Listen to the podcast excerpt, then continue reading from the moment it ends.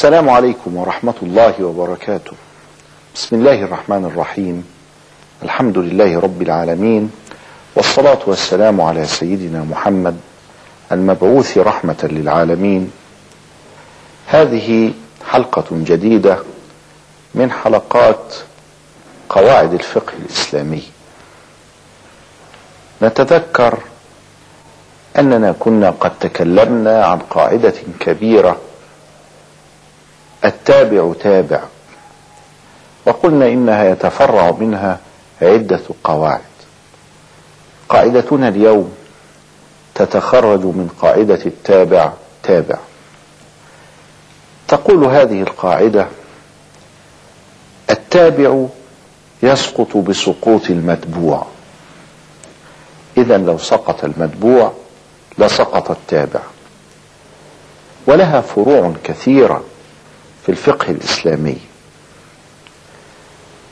مثلا النبي صلى الله عليه وآله وسلم يقول الحج عرفة فالوقوف بعرفة ركن من أركان الحج. فلو فات الإنسان أن يقف بعرفة الفرض يوم عرفة أن نجمع بين دقيقة من النهار وبين دقيقة من الليل. يعبر الفقهاء بطريقة أدق فيقولون جزء من النهار وجزء من الليل. لأنه قد يكون أقل من دقيقة النهار هو قبل غروب الشمس الليل بعد غروب الشمس. فينبغي أن أقف في عرفة قبل غروب الشمس ولو بشيء يسير وبعد غروب الشمس ولو بشيء يسير. ولو فاتني هذا يكون علي دم. لابد أن أذبح جبرا لما فاتني ولكن يمكن أن أقف في عرفة إلى مطلع فجر يوم العيد. لكن أنا وأنا مسافر متجها إلى عرفات لم أحصل عرفات إلا بعد طلوع الفجر وأنا محرم. قد أتيت من ميقاتي ومن بلدي محرما بالحج. اذا هكذا يكون الحج قد فاتني ولكنني محرم. فسوف أتحلل بالطواف طواف الإفاضة وبالسعي وبالحق. هذه أركان الحج. أفعلها وأتحلل. ويكون الحج قد فاتني. لما فاتني؟ لأن ركنا مهما منه وهو عرفة الذي قال فيه رسول الله صلى الله عليه وسلم الحج عرفة فات. ولكن سالبس ملابسي وأرجع بلدي. فيقول لي أحدهم ولم ترجع بلدك الآن؟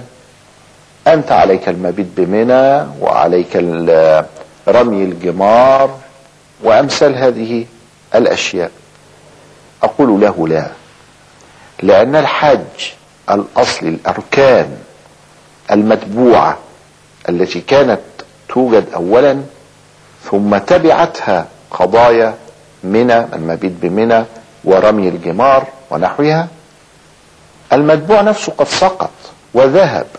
وليس هناك حج عندي الآن. فما دام المتبوع قد سقط اذا فالتابع يسقط تبعا له. ولا أتحلل بعد رمي الجمار أو كذا إلى آخره ويسقط رمي الجمار ويسقط المبيت في بمنى ويسقط هذه الأشياء لأنني قد فاتني الحج في حقيقة الأمر. اذا فإذا كان قد فات الحج فلما طفت وسعيت وحلقت؟ لأن هذه أركان. ولكن المبيت بمنى واجب فقط وليس ركنا. إلقاء الجمرات واجب فقط وليس ركنا. وعلى ذلك نفهم قاعدة التابع يسقط بسقوط المتبوع. يعني إذا سقط المتبوع سقط التابع. أيضا ذكرنا في حلقة سابقة ولعلها عندما قلنا أن التابع لا ينفرد بالحكم أن أهل الذمة إذا كان بيننا وبينهم عهد مع كبرائهم فإن التابع هم العوام والنساء والأطفال. نفرض أن هؤلاء الناس الكبار الوجهاء العلماء نقضوا الاتفاق الذي بيننا وبينهم. فهل يبقى الأمان والعهد مع الصبيان والنساء والسوقة أو أن إذا ما نقض هؤلاء الكبار العهد تبعهم أولئك لأنه إذا سقط المتبوع سقط التابع. أو التابع وهم السوق والصبيان والأطفال يسقطون بسقوط عهد الكبار. آه فهنا إذا مشينا مع القاعدة قلنا أن الصبيان والنساء يسقطون لأن الأصل سقط وهو الوجهاء الذين عقدوا مع الدولة المسلمة عقد الأمان. وهنا هؤلاء الأطفال تابع لهم فيسقط. لكن انظر إلى الفقه الإسلامي وإلى إدراك الفقهاء لوقائع الأمور وعدم تقيدهم التقيد التام بالقواعد إذا ما كانت النتيجة لهذا التقيد تخالف المصلحة أو تخالف أصول الدين وما يتشوف إليه الشرع أو تخالف الأسس التي جاء بها الإسلام من الرحمة والأمن والأمان. فيقول العلماء والأصح خلافه. الأصح أنه يبقى وبذلك نكون خالفنا القاعدة. يبقى الأمان مع الصبيان ومع النساء ومع السوق والعوام حتى ولو نقضه هؤلاء الآخرون. فلو جاء الصبي أو المرأة أو الضعيف أو السوق وقال أنا أنا لا ذنب لي. في, في هذه القرارات التي يتخذها أولئك الناس من غير رجوع إلينا ونحن لا نتحمل مسؤوليتهم نقبل منه هذا في الأصح عند الفقهاء حتى ولو كان هذا القبول مخالفا للقاعدة. مثلا الرجل العسكري.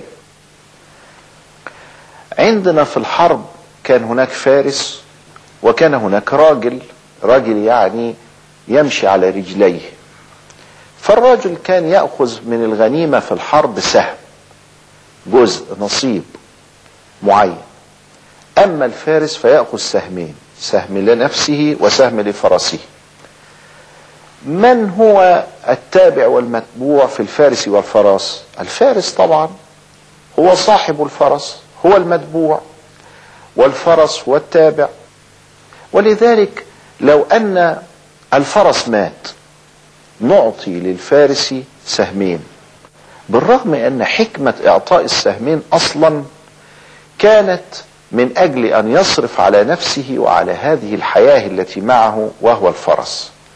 لكن لما أن كان المتبوع باقي والتابع هو الذي ذهب بقي الحكم على ما كان عليه ونعطي للفارس عند موت فرسه سهمين برضه لكن لو رجعنا إلى القضية أن الفارس هو الذي مات فإن الفرس يعطى سهما واحدا. لأن لأن لأنه هذا الفرس ماذا يعطى؟ هل يعطى سهما واحدا؟ أو أنه لا يعطى شيئا؟ لأن المتبوع قد سقط فسقط معه هذا. فالفقهاء قالوا قالوا المتبوع قد سقط وسقط لنا هذا الإعطاء. كذلك نفرض أن في الوجه جرح يمنع من غسل الوجه. عندما نغسل الوجه وحتى نتأكد أننا قد غسلناه نأخذ جزءا من الرأس أو جزءا من الرقبة. أنا الآن الجرح موجود في وجهي أو الجراح موجودة في وجهي تمنعني من غسل الوجه. اذا فغسل الوجه سقط وهو الأصل وهو المتبوع.